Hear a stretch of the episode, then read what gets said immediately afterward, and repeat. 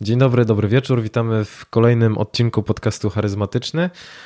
I słuchajcie, dzisiaj będziemy rozmawiać o tym, e, co zrobić, żeby poprawić e, swój dobrostan psychiczny i zwłaszcza, że będziemy też się skupiać na takich aspektach związanych z tym, co dzieje się z nami, e, z niektórymi osobami, które przeszły COVID, zwłaszcza w takiej długiej perspektywie czasowej. Dzisiaj moim Państwa gościem jest Bartek Czekała. Bartka, możecie... I witam. No, powinienem dać większą przerwę, ale e, Bartka e, możecie już kojarzyć e, z innych odcinków, bo byłeś już trzy razy w podcaście. Raz rozmawialiśmy o, o tym, jak się uczyć języków obcych, raz o tym, jak w ogóle się uczyć i raz robiliśmy podsumowanie misji z niemieckim. Dla tych, którzy nie poznali Bartka, tu chciałbym opowiedzieć o tym, że jest ekspertem do spraw zapamiętywania. Na przykład y, jego klienci to są lekarze, których uczy w jaki sposób się uczyć. Jest dietetykiem, trenerem personalnym, trychologiem, poliglotą, bo zna 8 języków i to na bardzo wysokim poziomie. Prawie wszystkie są na, na poziomie C1 lub wyższym. I cóż, muszę też wspomnieć o tym, że odcinki z Tobą są jednymi z najbardziej oglądanych i słuchanych, także. Miło słyszeć. Zawsze miło słyszeć. Także cieszę się, że, że, że, że wpadłeś po raz któryś i tym razem z wideo, więc możecie zobaczyć na YouTubie, jak, e, jak Bartek wygląda. I dziękuję za zaproszenie po raz kolejny. No, no to jest przyjemność cała po mojej stronie. I zanim jeszcze przejdziemy do, do głównej części, e, to chciałbym Was poinformować o tym, e, no z dumą chyba powiedzieć o tym, że, że właśnie otworzyłem mm, nową działalność, znaczy już, która funkcjonuje od kilku miesięcy. Otworzyłem własny gabinet psychologiczny, także jeżeli ktoś doświadczałby problemów związanych z wypaleniem zawodowym, ze stresem, z pracoholizmem, perfekcjonizmem albo z niską pewnością siebie, to to, zapraszam. E, możecie mnie znaleźć na znanym lekarzu lub po prostu napisać e-mail na straszek.dawidmałpa.gmail.com Ja ze swojej strony tylko mogę, mogę dodać, mimo że ja mam awersję do e, psychologów, psychiatrów i tak dalej, raz jak miałem, e, nie, nawet nie pamiętam kiedy to było, dwa, trzy miesiące temu, mhm. nazwijmy to małe załamanie psychiczne, Dawid naprawdę niesamowicie mi pomógł i jakby przeprowadził mnie, że tak powiem, przez ten kryzys, także ja mimo że jeszcze raz nie jestem osobą, która by zwyczajnie poszła do psychologa, bym polecał. Okej, okay, dzięki. Jako, że obowiązuje tak. mnie tajemnica zawodowa, to nie, nie, nie, mogę opowiadać o szczegółach, także miło tak, mi, że... Tak, tak jest. Natomiast tak jak mówię, ja, ja po prostu poczułem wtedy, że ktoś jakby potrafił zrozumieć sytuację, szczególnie, że to było też tak związane z wypaleniem zawodowym, jakby e, wzięciem za dużo na swoje barki, także warto czasami sięgnąć po pomoc. I to mówi osoba, która nigdy nie sięga po pomoc, okay. więc... Super, bardzo miło mi to słyszeć. Chcieliśmy, chciałem też wspomnieć o tym, że goście podcastu piją kawkę Czarny Owoc od jednego z gości podcastów, Mateusza Ostręgi, który opowiadał o tym, jak, jak żyć dłużej, także jeżeli byście byli zainteresowani, to, to polecamy.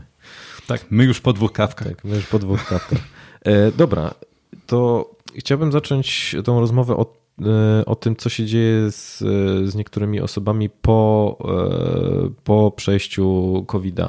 I nawet dzisiaj rano rozmawiałem ze znajomą, która boryka się z no jakby z powikłaniami, które cały czas wpływają na, na poziom jej życia. I tutaj chodziło w jej przypadku chodziło o kwestię związaną z brakiem energii, e, z, ze stanami lękowymi i tak samo było w, w, moim przypadku i od czasu do czasu ciągle bywa.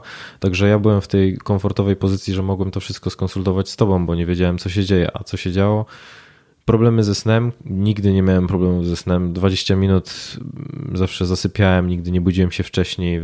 E, stany lękowe związane z tym, że jakby byłem w stanie się oddzielić od tego, że widziałem, że coś dzieje się złego, to znaczy, że to nie jest naturalny stan dla mnie, ponieważ ten nastrój był obniżony, takie bardzo paranoiczne myśli z gonitwą ich, czyli właśnie wszystko postrzegane w negatywnych barwach. E, czy coś jeszcze? Mm, no ten obniżony nastrój, który się otrzymywał i to, że to, co męczyło, ja ogólnie bardzo dużo pracuję, ale teraz nie byłem w stanie w ogóle wejść nawet na obroty tej wydajności, którą miałem, miałem przed COVID-em, którego przychodziłem kilka miesięcy temu. I od czasu do czasu pojawia się ten nawrót. I właśnie e, chciałbym zacząć od tej, te, te, te, tego, co ty mi powiedziałeś, czyli czym są stany lękowe, w sensie z, czego, z czym one mogą być związane na tym poziomie fizjologicznym. Hmm, tak jest. Nawet, nawet to jest ciekawe, bo um, podsyłałem Dawidowi bodajże dwa dni temu, czy może nawet wczoraj jedno tak. badanie, które dosłownie świeżutko z taśmy zeszło, e, które nazywało się bodajże Long Tail of COVID, e, jako długi ogon COVID-a i było właśnie o tym, że e, nawet do, to było 60-70% osób do 12 miesięcy po przejściu COVID-a ma mnóstwo wciąż symptomów. I takie główne symptomy E, to właśnie były e, przede wszystkim stany różnego rodzaju lękowe, czy depresja, adhedonia, czy jakby może niepełna zdolność albo niezdolność do odczuwania e, radości i zmęczenie. I, i tak chyba tego zmęczenia było najwięcej hmm, tak. z tych objawów ludzi badanych. Tak. Więc to było takie najbardziej przerażające, że ta wydajność rzeczywiście spada. Tak. I właśnie to, to, było, to było ciekawe, że w tych naszych rozmowach, że zauważyłem, że chyba niezbyt dużo osób kojarzy, że ogólnie można zacząć od tego, że stany zapalne, praktycznie stany zapalne każdego rodzaju będą wpływać na obniżenie nastroju mhm. i z czasem mogą doprowadzić do stanów depresyjnych. Jeśli, jeśli stany zapalne są e, ostre, to znaczy, że dochodzi do na przykład jakiejś większej infekcji, e, czy może jest jakiś bodziec, który wywołał te stany zapalne większej ilości, e, to może dojść nawet do takich właśnie, czy to ataków lęku, ataków paniki, czy na, nawet takiej, bym powiedział, lekkiej czy przelotnej e, depresji. Mhm. Także jest to rzeczywiście w, pełni naturalne. I jeśli chodzi o literaturę medyczną, jest mnóstwo e, badań na ten temat. To, to jest fascynujące, e, które pokazują, że te stany zapalne będą, będą, może tak, możemy ich używać jako predyktora, czyli czegoś, co będzie przewidywać na przykład ciężkość depresji. To znaczy, jeśli byśmy wzięli pacjenta, który ma już depresję i na przykład e, zbadali jego markery stanów zapalnych, to może być na przykład białko reaktywne C, to może być odczyn Biernackiego i ona jest na wysokim poziomie, to najprawdopodobniej to będzie osoba, która będzie bardzo kiepsko reagować na jakby na samą e, terapię farmakologiczną, mhm. antydepresyjną, ale też nawet jakby taką zwykłą e, terapię w formie konsultacji. E, natomiast osoby, które ma, jakby mają tą linię bazową markerów stanu zapalnego niską, one będą dużo lepiej reagować choćby farmakologicznie, czy jeszcze raz, czy na różnego rodzaju terapię. Także to jakby sam, sama linia bazowa stanów zapalnych czy markerów stanów zapalnych może zostać użyta e, jako predyktor tego, jak leczenie będzie przebiegać, jak będzie skuteczne. Okej, okay, czyli od razu to jest taki dla nas miernik tego, jak, jak może być z nami źle, tak jakby upraszczając to wszystko. D dokładnie tak, D dokładnie okay. tak. Wiesz co, jeszcze ja sobie pozwoliłem spisać yy, objawy, objawy depresji klinicznej według mm. DSM-5, bo chciałbym też jakby mm, mieć słuszność, że słuchacze czy, czy widzowie będą mieli, yy, że będziemy jakby na, yy, rozumieli depresję tak samo. Mm. No i tak, tak, y, DSM-5 wskazuje, że mm, jeżeli definiujemy u siebie jeden z poniższych, to znaczy najlepiej mm, nie robić tego w formie autodiagnozy, tylko skonsultować się ze specjalistą, ale jeden z poniższych objawów, czyli zauważalne obniżenie nastroju przez większość dnia i niemal codziennie i z drugiej strony anhedonia, o której wspominałeś, czyli, czyli brak zainteresowania czynnościami, które dawniej sprawiały nam przyjemność lub Cztery z poniższych, które tutaj wymienię, czyli rozkojarzenie lub zniezdecydowanie, ogólne spowolnienie aktywności umysłowej czy fizycznej, trudności w wyznaczaniu celów, zaburzenia snu i brak łaknienia, poczucie bezsilności lub beznadziejności, wyrażanie niskiego, e, wy, e, niska samoocena i niskie poczucie własnej wartości, zmęczenie, pobudzenie lub rozdrażnienie i myśli o wyrządzaniu sobie krzywdy. Więc jakby no to jest dosyć szerokie spektrum objawów, więc to jest to, co, tak co, co, co może u nas e, mm, jakby, co, co powinno być jakimś takim sygnałem, że, że warto skonsultować się czy, czy mm, wyciągnąć rękę po pomoc. Mm, jak najbardziej. No dobra, czyli w momencie, kiedy pojawiają się y, te markery, to jakby one są wyznacznikiem tego, jak, jak może być źle. A teraz powiedz, czy jest coś, w jaki sposób my możemy zacząć działać, czy spowodować, żeby. Jak, jak najbardziej. E, mnóstwo rzeczy. Zanim jeszcze przejdziemy, to e, mhm. ja zawsze lubię wchodzić w szczegóły, jeśli, jeśli chodzi o te me mechanizmy biochemii. Um, wydaje mi się, że warto wspomnieć w ogóle skąd to się bierze, bo też to przyda się nam potem, jeśli chodzi o potencjalne jakby terapię czy, czy zapobieganie mhm. takim sytuacjom. E, w momencie, w którym mamy stany zapalne, dochodzi do wytworzenia dużej ilości cytokin. E, wydaje mi się, że temat też stał się dosyć popularny właśnie w czasach teraz COVID-a, mhm. bo mnóstwo po prostu prasa pisała o tych też sztormach czy burzach cytokinowych. Więc cytokiny, można powiedzieć, to są różnego rodzaju cząsteczki, które, które działają jako sygnalizatory właśnie w organizmie i między innymi jakby sygnalizują stany zapalne. I kiedy te cytokiny, e, szczególnie e, jakby taki te, jedna z nich TNF-alfa, to jest jakby czynnik martwicy nowotworów alfa, one są na wysokim poziomie, dochodzi do rozszczelnienia e, tak zwany BBB, czyli Blood-Brain Barrier, czyli mhm. bariera krew-mózg. Zwyczajnie jakby ona jest oczywiście po to, żeby odseparować te nasze krążenie peryferyjne od tego krążenia e, mózgowego, żeby nic, co nie powinno znaleźć się w mózgu, oczywiście się tam nie znalazło. Natomiast to jest fascynująca rzecz, jeśli chodzi o stany zapalne. Stany zapalne będą e, powodowały rozszczelnienie tej bariery. Mhm.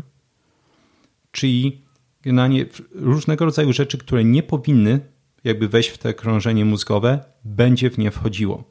I to będzie powodowało mnóstwo różnego rodzaju skutków ubocznych. Na przykład w momencie, w którym dochodzi do takiego rozszczelnienia, będziemy mieli zmniejszoną neurogenezę. Tak? Czyli będzie zmniejszone powstawa, powstawanie neuronów.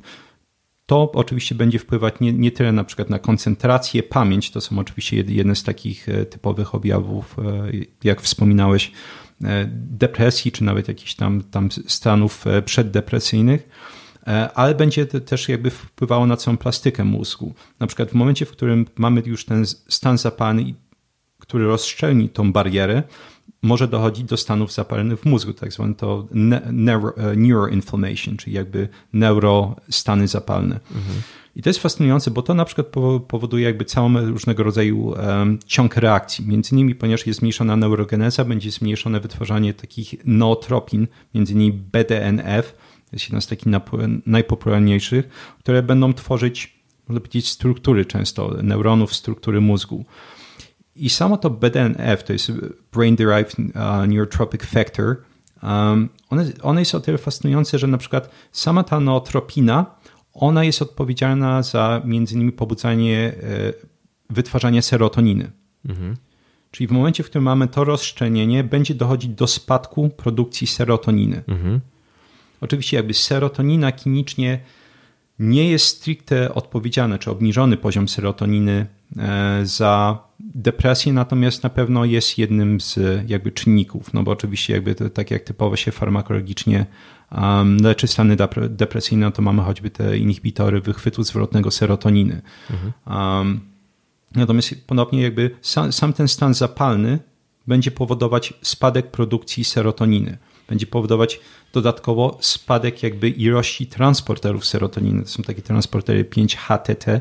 Um, tym samym, tak powiem, mamy taki ciekawy ciąg, um, można powiedzieć przyczynowo-skutkowy, e, jak, jak jedna rzecz właśnie powoduje, czyli na przykład jakaś infekcja, potencjalnie to może być COVID, spadek tego nastroju. Mhm. No ja pamiętam, jakby teraz nie będę udawał zdziwienia, bo hmm. już mi to tłumaczyłeś w momencie, kiedy e, konsultowałem z tobą, co się ze mną dzieje, to dla mnie ogromnym zaskoczeniem na tamten moment było to, że powiedziałeś, że okej, okay, Stany zapalne wypłukują po prostu, w cudzysłowie, hmm. wypłukują serotoninę. Także po prostu przez to, że pojawia się jakiś stan zapalny, może być tak, że po prostu my zaczynamy, jakby te objawy y, psychiczne hmm. są dla nas takie, że ten nastrój zdecydowanie bardziej się obniża. Tak, to, to jest akurat inny, inny mechanizm dodatkowo, hmm.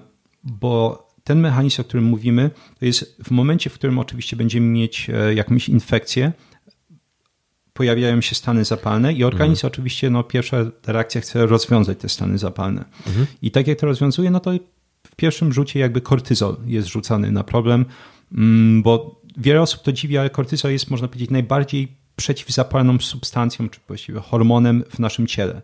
Okay.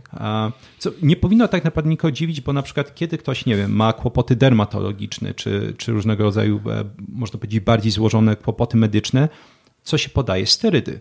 Mhm. Tak? A te sterydy to jest nic innego jak glukokortykoidy, czyli właśnie kortyzol. To są różnego rodzaju na przykład pochodne kortyzolu, czyli na przykład hydrokortyzon. A, y, y, przyszła mi do głowy jedna myśl, ale popraw mnie, mm. jeżeli źle myślę. Często spotykam się z tym, że ktoś mówi, że ok, jakby jestem zestresowany, czyli zakładam, że ten mm. poziom kortyzolu jest wysoki i wtedy i rozchorowuję się dopiero w momencie, kiedy wyjeżdżam na wakacje, no bo wtedy jakby ten poziom kortyzolu spada, więc powiedzmy jesteśmy bardziej mniej odporni na infekcje. Można to w ten sposób rozumieć?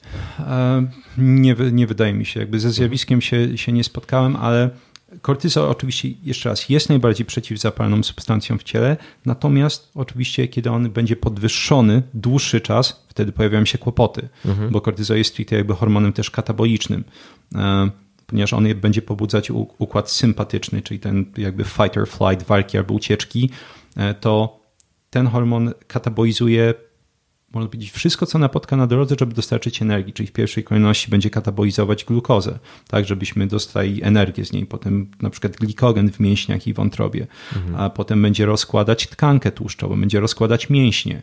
Tak, dlatego często na przykład jeśli ktoś ma dłuższy czas podwyższony poziom kortyzolu, to często jest taka dosyć typowa, można powiedzieć, jak się mówi, Cushingowa od syndromu Cushinga, czyli jakby nadmiaru powiedzmy e, kortyzolu w ciele, Cushingowa sylwetka, że generalnie dosyć są cienkie kończyny, tak, bo po prostu mięśnie uległy katabolizmowi e, i dosyć duży brzuch, jakby, że tkanka, tkanka tłuszczowa, ponieważ też kortyzol będzie z czasem prowadzić do zwiększonej lipogenezy, czyli jakby powstawania tkanki tłuszczowej. Mhm. Stąd właśnie jest ta, można powiedzieć, taka pajękowate kończyny, a jednocześnie bardzo, bardzo duży brzuch, mhm. E, czy również na przykład jakby te, te okolice kratki piersiowej, nawet ze, znamionami, ze znamionami ginekomastii.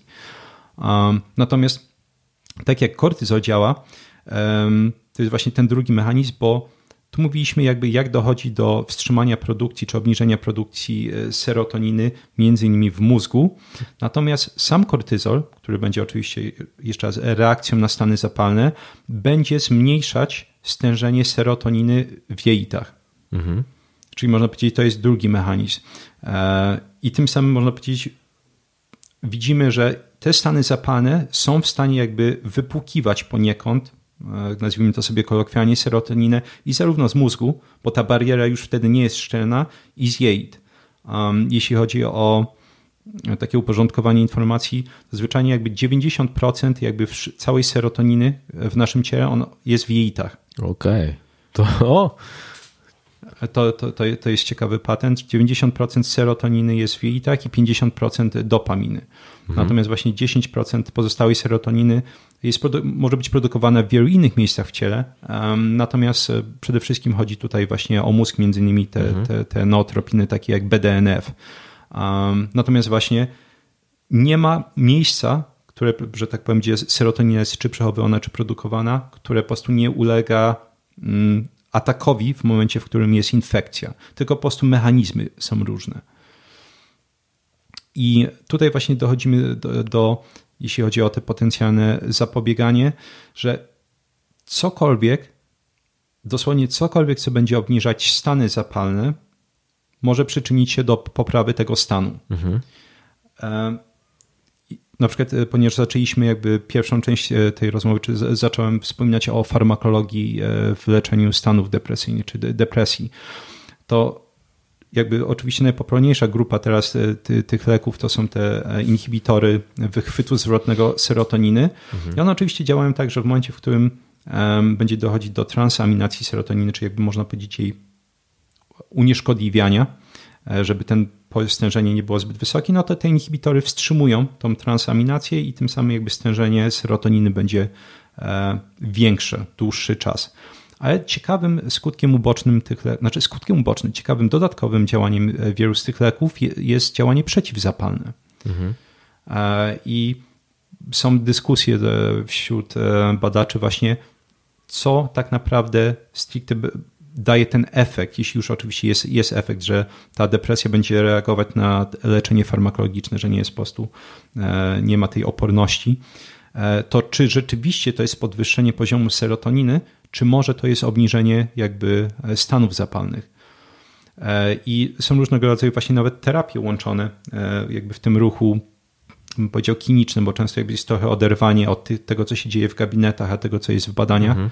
Um, jest mnóstwo postulatów, po prostu aż takie, taka jest skuteczność, że żeby nie podchodzić do pacjenta tylko na zasadzie, że proszę pana, to my sobie teraz pogadamy, rozwiążemy kłopoty, tylko robimy na przykład tą podstawową morfologię z markerami stanów zapalnych i zobaczmy właśnie, czy stany zapalne potencjalnie na podstawie tych e, prostych danych mogą mieć coś tu do czynienia, bo jeśli na przykład mamy wysokie stany zapalne, no to częścią terapii powinno być, e, oczywiście no często to jest jakby w, jak wspólna praca paru specjalistów, e, obniżenie tych stanów zapalnych mhm.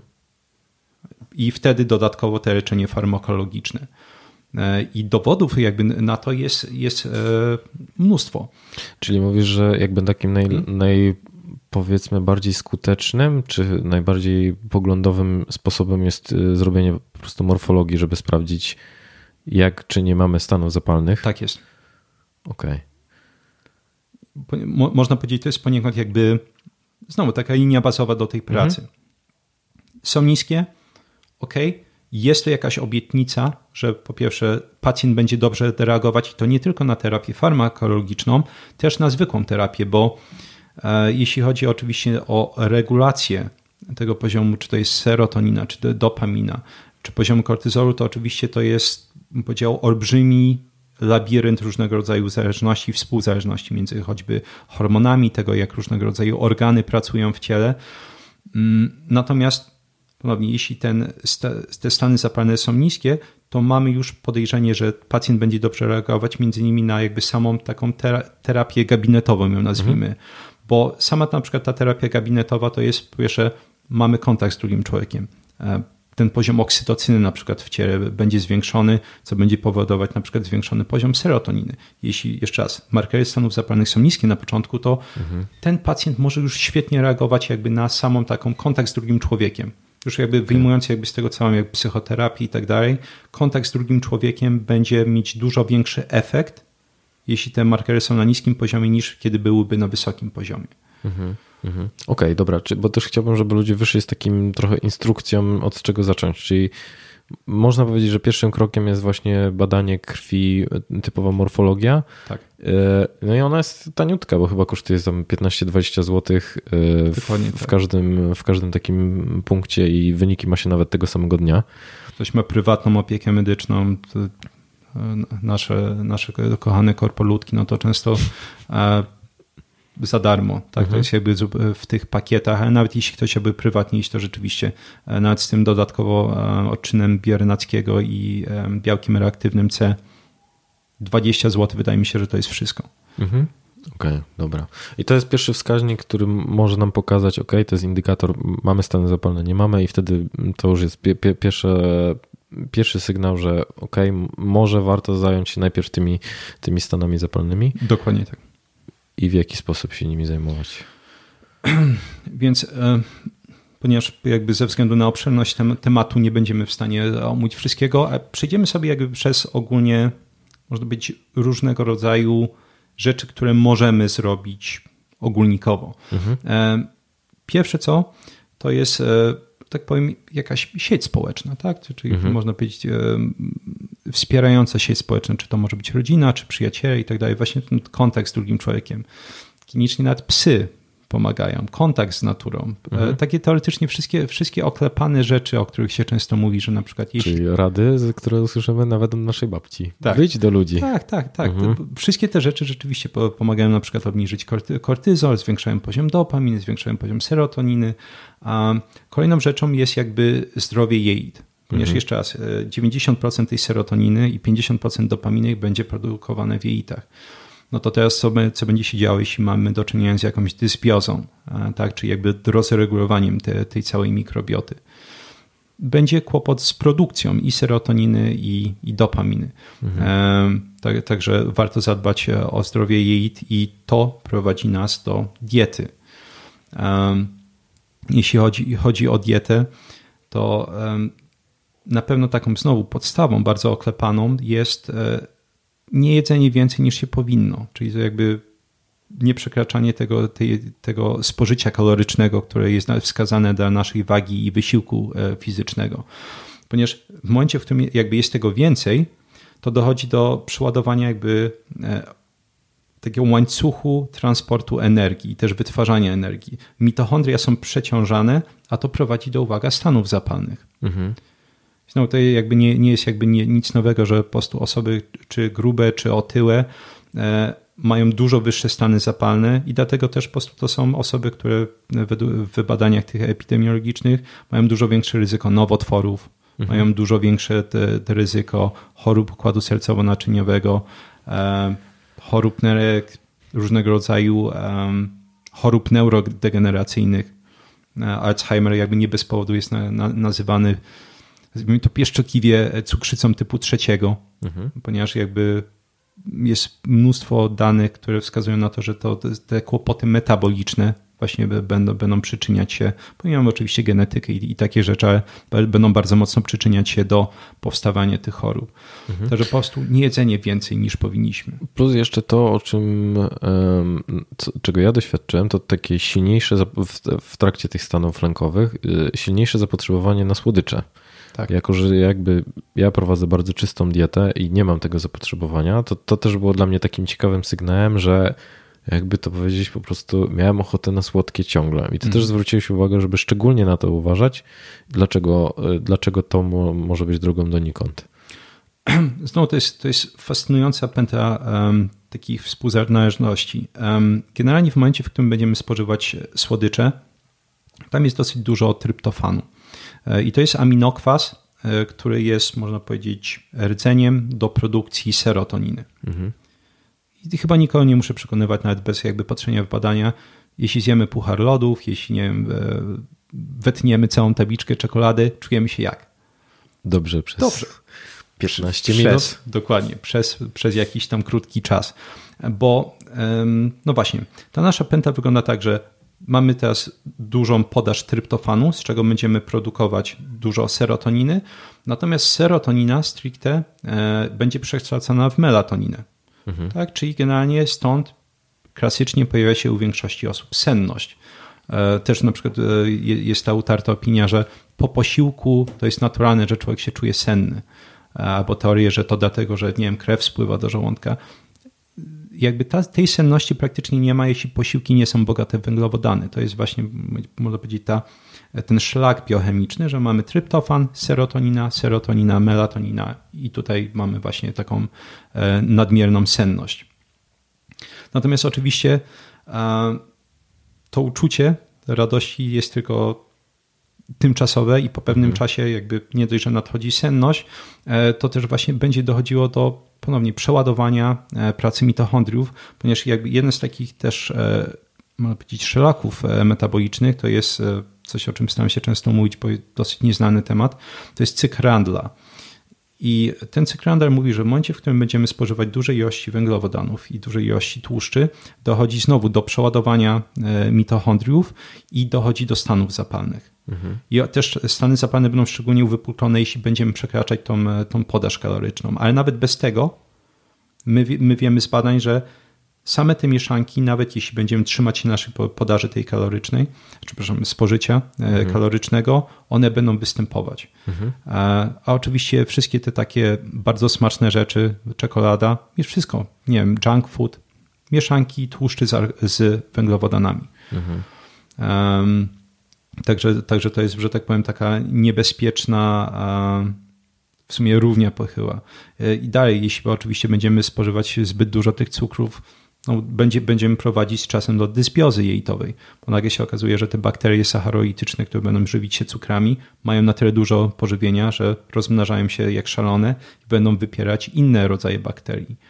A jakby takim kluczem na pewno do zdrowia, jeśli chodzi o, o tą mikrobiotę, jest, e, to się nazywa alpha diversity, czyli jakby e, zróżnicowanie alfa. I to jest jakby całkowite zróżnicowanie tego mikrobiomu, mhm. żeby było jak najwięcej różnego rodzaju bakterii, grzybów, e, drożdżaków i tak dalej, ponieważ to gwarantuje, że wszystko że będzie działało tam jak najlepiej, czyli będzie produkcja serotoniny na odpowiednim poziomie, że będzie produkcja dopaminy, produkcja tych naszych endogennych, nawet antybiotyków będzie na odpowiednim poziomie, synteza wielu witamin, między innymi witaminy K. Natomiast oczywiście jeśli będziemy jeść dużo tych węglowodanów czy tych mieszanek, mhm. może dojść właśnie do zaburzenia tej równowagi, co z czasem doprowadzi do między innymi spadku produkcji serotoniny. Mhm. Okej, okay. bo teraz się zastanawiam też, mm, co w takim razie, w momencie, kiedy ta potrzeba, wiesz, dostarczenia sobie czegoś słodkiego jest bardzo silna, co, co zamiast tego, czyli w jaki sposób radziłbyś oszukiwać no, tą potrzebę i w jaki sposób ją modelować, bo tak jak mówiłem, że to dla mnie było zaskakujące, mm. że ja zazwyczaj nie miałem, a tutaj było na tyle silna, że ciężko mi było się temu oprzeć mm. tak naprawdę. Tak naprawdę rady, rady będą podobne do, te, do, do tych, które byśmy udzielili osobie, która by chciała zgubić wagę, bo jakby część tego mechanizmu mhm. polega między innymi na większym wytwarzaniu kortyzolu. Jeszcze raz, zaczynając od początku, czyli mamy stan zapalny, jakąś mhm. infekcję, może być COVID, może być inny powód. Ten stan zapalny będzie powodować teraz wyrzuty kortyzolu. Ogólnie wiemy, że jednocześnie będziemy mieć jakby wypukanie tej serotoniny i z mózgu, mhm. i z jeit. Tym samym jakby ciało podczuwa, jakby odczuwa większą potrzebę uzyskania tej porcji serotoniny jakiejś większej, żeby przywrócić równowagę. Mhm. To oczywiście i stąd jakby potrzeba sięgnięcia po cukier, ale uwaga, w momencie, w którym mamy wytwarzany kortyzol w większej ilości, e, kortyzol ma to do siebie, że jeszcze raz, on pobudza ten układ sympatyczny, czyli walki i ucieczki, bo chodzi w tym momencie o przetrwanie, mhm. przynajmniej z punktu widzenia właśnie naszego mózgu.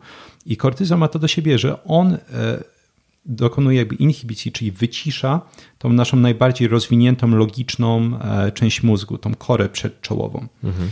I to czy, czy neokorteks, e, mówiąc szerzej. I to jest fantastyczne, bo ta kora jest odpowiedzialna za inhibicję. To jest jeszcze raz ta część logiczna, która właśnie jest w stanie przewidywać konsekwencje. Jest w stanie powiedzieć, hej, nie wiem, teraz, teraz nie jedz tabliczki czekolady, bo będziesz gruby i tak dalej. Natomiast w momencie, kiedy kortyzol wchodzi do gry, ta kora, nie ma. Tak, ta kora jest wyciszana. To jest dosłownie, jeśli ktoś chciałby sobie to lepiej wyobrazić, tak działa alkohol między innymi. Alkohol dokonuje jakby wyciszania, inhibicji e, tej kory przedczołowej. I wtedy wszystkie głupie pomysły wydają się świetnymi pomysłami. Mhm głupie wybory żywieniowe stają się bardzo atrakcyjne i właśnie to jest jakby część tego, część tej łamigłówki. Jest większy kortyzol, mamy wyciszenie tej części e, mózgu, która zwyczajnie jest odpowiedzialna za inhibicję, że ej, to jest głupi pomysł, więc stąd jest nie dość, że organizm wysyła sygnały, między innymi z jej, z jej poprzez ten, ten nasz, można powiedzieć, drugi mózg, jak się nazywa, czyli e, ten układ enteryczny, E, że potrzebujemy więcej serotoniny, to jeszcze można powiedzieć ta część mózgu, która nas chroni przed głupimi e, wyborami, między innymi żywieniowymi, mhm. jest wyciszona. Tym samym jest super, zróbmy to. Zjedzmy. A, I tym samym no, pierwsze co to jest nie mieć idealnie niczego pod ręką. Mhm.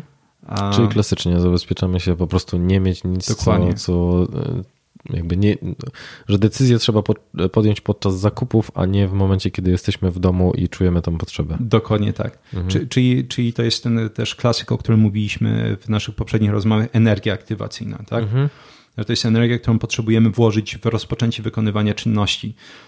I często jeśli ona jest choć trochę wyższa, to my rezygnujemy z czynności. Czyli oczywiście jeśli energia aktywacyjna sięgnięcia po ciastka czy czekoladę jest wysoka, bo teraz musimy się, nie wiem, ogarnąć, musimy się ubrać, musimy iść do najbliższej żabki, to często jest tak, że po prostu mózg zaczyna, kurde, to kosztuje tyle energii, a w sumie i tak nie miałem ochoty. Mhm. Tak, jest jakaś racjonalizacja, dlaczego nie dokonaliśmy jakiegoś wyboru. Że, że tak powiem, dosyć oklepany sposób, ale zawsze skuteczny. Nie mieć idealnie takich rzeczy e, pod ręką. Natomiast druga część równania to jest po prostu starać się zbić kortyzol naprawdę dużo łatwiej jest po prostu w momencie, w którym e, będziemy myśleć racjonalnie, czyli ten kortyzol będzie zmniejszony. No właśnie, dużo łatwiej skontrolować te takie e, dzikie żądze. Mhm. Okej, okay, czyli dobra, z jednej strony wspomin... czy w przypadku diety jeszcze coś, na coś zwróciłbyś uwagę? Um, z, z mojego punktu widzenia poza, poza po prostu jeszcze raz unikaniem zbytnich tych mieszanek, tłuszczy i węglowodanów, nie przekraczaniu te, te, tego spożycia swojego dziennego, powiedział, że... Dobra i tutaj hmm. też zrobię taki w, w trend, bo jakby ty już się posługujesz bardzo dietetycznym i medycznym hmm. żargonem, a chodzi o to, że mam wrażenie, że nie wszyscy też jakby mają rozumienie o czym jest podaż kaloryczna, ile powinniśmy jeść. To mhm. chodzi naj, jakby najzwyczajniej w świecie chodzi o to, żeby przeliczyć, ile my potrzebujemy jedzenia w ciągu dnia mhm. i wyrażonego w, w, kilokaloriach i nie tak. przekraczać tego, e, tego bi, mm, tej ilości. Da się to ba, bardzo łatwo zrobić na zasadzie po prostu mm, używania jakichś kalkulatorów internetowych, gdzie podajemy tak. wagę, wzrost, wiek, jakby aktywność fizyczną i na bazie tego jakby dowiadujemy się, ile dokładnie, tego jest. Dokładnie tak. Hmm? Oczywiście samo uproszczenie. E, wszystkie w ogóle takie e, kalkulatory i tak dalej, to jest zawsze jakieś tam uproszczenie, bo mhm. nie bierze pod uwagę między innymi, nie wiem, choćby naszej masy mięśniowej, tak? Większa masa mięśniowa będzie powodowała na przykład lepsze zużywanie glukozy. To nie jest coś, co można wziąć w prosty sposób pod uwagę mhm. takich kalkulatorów. Ale taki, jakby ktoś chciał się sam zabawić, no to taki najprostszy wzór, on się nazywa Benedicta Harrisa, mówi, że to nasze średnie spożycie kaloryczne to jest po prostu 24 kilokalorie na 1 kg masy ciała.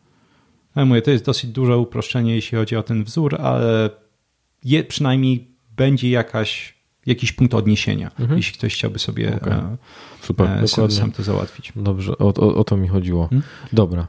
Natomiast e, właśnie, przepraszam jeszcze tego przerwy. Natomiast może, może rzeczywiście, nie, nie wiem czy zagmatwałem, chociaż wiem, że na pewno mnóstwo słuchaczy ma duże pojęcie. Jestem cały czas zdziwiony po prostu, jak czasem mi się wydaje niszowe tematy są rozpoznawane mhm. po tym, czy ludzie mają bardzo dużą wiedzę na ten temat. Ale w uproszczeniu po prostu ta dieta, którą która rozwiązuje poniekąd ten kłopot, to jest oczywiście jeszcze raz. Nie jemy zbyt dużo i ja osobiście polecam trzymać się mniej więcej do 100 gram węglowodanów dziennie. To jest e, taka dieta, która dla większości osób nie będzie jakoś specjalnie problemowa, a jednocześnie jakby rozwiązuje ten kłopot z, z cyklem Randla e, mhm. między innymi. I um, ostatnia rzecz, jako można, można powiedzieć, to jest część diety też e, paradoksalnie, posty. Mhm. Boże, jak ja polecam posty, e, będę to robić do końca życia, bo wydaje mi się, że to jest najbardziej niedocenione narzędzie. Mhm. To je mnóstwo osób mówi e, o, o tym, nie wiem, co jeść, czego nie jeść, to jest B, tam to jest B. Posty to jest fantastyczny moment, żeby po prostu organizm, e, można powiedzieć, siebie naprawił. Bo między innymi, kiedy na przykład nie spożywamy pokarmu, to organizm jest w stanie poprzez tę autofagię oczyścić cały ten gruz metaboliczny, wszystkie różnego rodzaju uszkodzone białka choćby. E, jeden przykład, e, jak to jest ważne, znowu badania sprzed dwóch tygodni e, nad zwyrodnieniem plamki żółtej. Jeden z takich, bym powiedział, czołowych powodów utraty wzroku w społeczeństwie. I na przykład tam pokazano, że jest takie białko, które się CIP2 nazywa, to na, na myśl modelu. I w momencie, w którym po prostu Autofagia jest upośledzona. Oczywiście będzie upośledzona, jeśli za przeproszeniem będziemy wpieprzać non-stop, czyli te hmm. klasyczne promowanie pięciu posiłków dziennie, to to białko będzie jakby się zbierać, będzie akumulacja tego białka e, w oku i kiedy dochodzi do zbytniej jej jakby akumulacji, to po prostu zaczyna uszkadzać, zaczyna degenerować e, właśnie tą plamkę żółtą e, i tym samym będzie prowadzić do utraty wzroku. Natomiast okazuje się, że w momencie, w którym autofagia jest aktywna, czyli szczególnie właśnie dla nas w postaci postów, to białko jest fantastycznie usuwane. Oczywiście jestem tylko i wyłącznie anegdotą, e, warto o tym pamiętać, ale to, co będzie na przykład wypaczać białka, no to jest glikacja, zbytnie spożywanie węglowodanów. Więc oczywiście po jeśli ograniczymy węglowodany mhm. i jeśli będziemy robić posty, to nie dość, że jakby to białka będą wypaczane w mniejszej ilości, to jeszcze jeśli będziemy mieć ten okres poszczenia, ja promuję najczęściej 16-8, bo to jest najłatwiejsze, 16 Właśnie godzin postu. Okej, okay, czyli 16 godzin nie jemy, mamy 8-godzinne okno, kiedy jemy, czyli jemy między 10 a 18 Dokładnie tak. i między tym nie dotykamy żadnego pożywienia, czyli nic, co ma kalory, kalorie, czyli woda, kawa jest i herbata tak jest, jest ok. Jak najbardziej. Bez cukrów. Jeśli nie jest to Starbucksowa kawa na zasadzie z okay. bitą, bitą śmietaną. Tak, czarn, czyli czarna kawa, tak. czarna, znaczy Jak się ładnie mówi, herbata sote. Tak. tak jest. Um, tak, także autofagia, tak jak mówię, ten okres poszczenia jakby gwarantuje na przykład, że będą te spaczone białka usuwane i na przykład ja pracuję często nawet po paręnaście godzin dziennie przy komputerze, robię to pewnie nie przesadzę, jak powiem paręnaście lat i, i często jest, o Boże, a co ty robisz takiego, żeby na przykład ten, ten wzrok był w takim e, dobrym stanie. Mhm że tak powiem, dobra dieta, bo oczywiście to też jest kwestia między innymi na przykład e, większej podaży witaminy A, to nie będziemy wchodzić w szczegóły, ale przede wszystkim poza tą dobrą dietą dać organizmowi czas na oczyszczenie się. Mhm, mhm. I to jest też kontrintuicyjne, bo e, ja tak sobie przypominam w momencie, kiedy zaczynałem dbać o dietę, no to właśnie słyszałem pięć posiłków dziennie, e, to co gdzieś tam większość z nas wyniosła z domu, czyli najważniejszy posiłek dnia to jest śniadanie. Tak. I czy bez śniadania to ty nie wychodzi nawet do mm. pracy, czy do szkoły, czy gdziekolwiek. Także i im wcześniej zjesz, tym lepiej. Okazuje się, że tak naprawdę to nie jest to, to nieprawda, że nie, to, że zjesz śniadanie o 13 i zjesz na e, albo o 10, to nie jest żadnym problemem. Oczywiście e, przy zachowaniu tego okna żywieniowego, -hmm. że po prostu będziemy mieli te 8 godzin. Tak jest. E, I co ciekawe, to wcale nie jest takie ciężkie, jak się, jak, jak, że, że możemy się, o, że mam wrażenie, że też ludzie przyzwyczaili się do tego, że uczucie głodu jest czymś złym. W mm. sensie, że to jest jakiś sygnał alarmujący, a okazuje mm. się, że, że wcale nie, że mm. właśnie wtedy zaczyna się autofagia i to piękne, piękne działanie, które jest na naszym korzyść.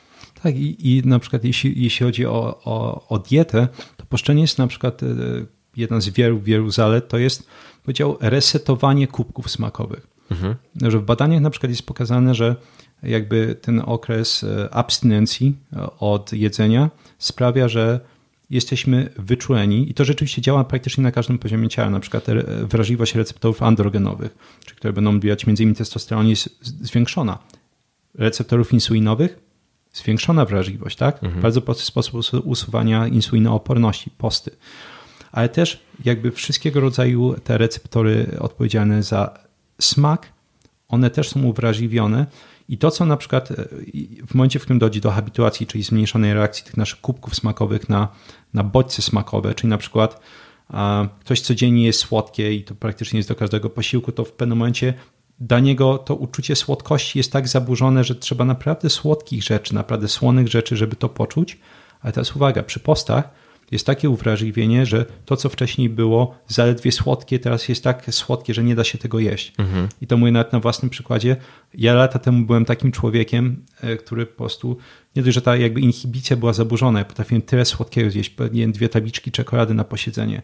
Moje momenty wstydu, które po prostu z uśmiechem wspominam, to jest kojarzysz, są te e, opakowania takie zbiorcze ciastek, z których ci mhm. szuflą nakładają do woreczka, mhm. to ja potrafiłem kupić takie e, całe pudło zbiorcze okay. i to wpieprzyć w jeden wieczór. Mhm.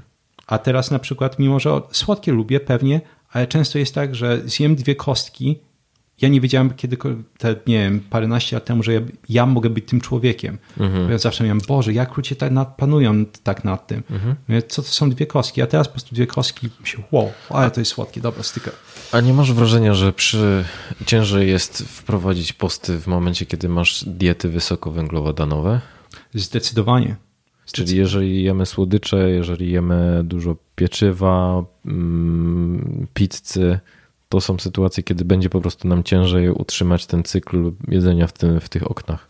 Tak, bo jakby te diety wysokowęglowodanowe, ale też powiedzmy sobie, te wysokowęglowodanowe, one nie są wysokowęglowodanowe same z siebie, one są też wysokotłuszczowe. Mhm. Bo tam najczęściej, e, czyli na przykład ta dieta, wszystkie diety, które są promowane przez nasze jakieś kochane towarzystwa kardiologiczne i tak dalej, często można powiedzieć, to są diety, które bym powiedział są dosyć paskudnymi mieszankami i węglowodanów i tłuszczu, bo na przykład e, gdzieś tam ostatnio w jakimś filmiku na YouTubie właśnie wspominałem, że e, to jest, to jest paranoja, że typowe zalecenie e, naszego towarzystwa diabetologicznego to jest jeść do 55 czy tam 60% węglowodanów, a jeśli masz cukrzycę to 40-45. No przecież to jest jakieś szaleństwo.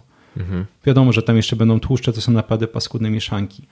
A to od razu zrobiłem przerywnik, że Bartek odpalił niedawno kanał na YouTubie, także za, zapraszamy. Nazwa? Bartosz czekała po prostu. Okej. Okay. Te diety wysokowęglowodanowe mają to do siebie, że oczywiście one będą powodować większe wyrzuty insuliny. Mhm. I większe wyrzuty insuliny mają to do siebie, że one z czasem, znaczy w ogóle, nawet jeśli jesteśmy zdrowi, to będą pro, e, prowadziły do większego wyrzutu greiny. Greina to jest jeden z tych naszych takich głównych hormonów e, z tej osi kontrolowania apetytu i on powoduje jakby zwiększone um, zapotrzebowanie na pokarm, bo jakby wywołuje uczucie głodu.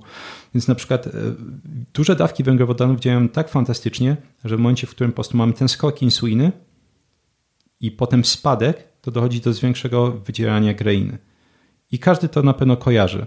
E, na przykład szczególnie jeśli są takie, nie wiem, rzeczy jak naleśniki. Jakim cudem jest tak, że możemy dosłownie zjeść, nie wiem, 6-8 naleśników i nagle się okazuje, że po godzinie hmm, coś bym przekąsił, mhm. bo, to, bo to nie są normalne reakcje organizmu.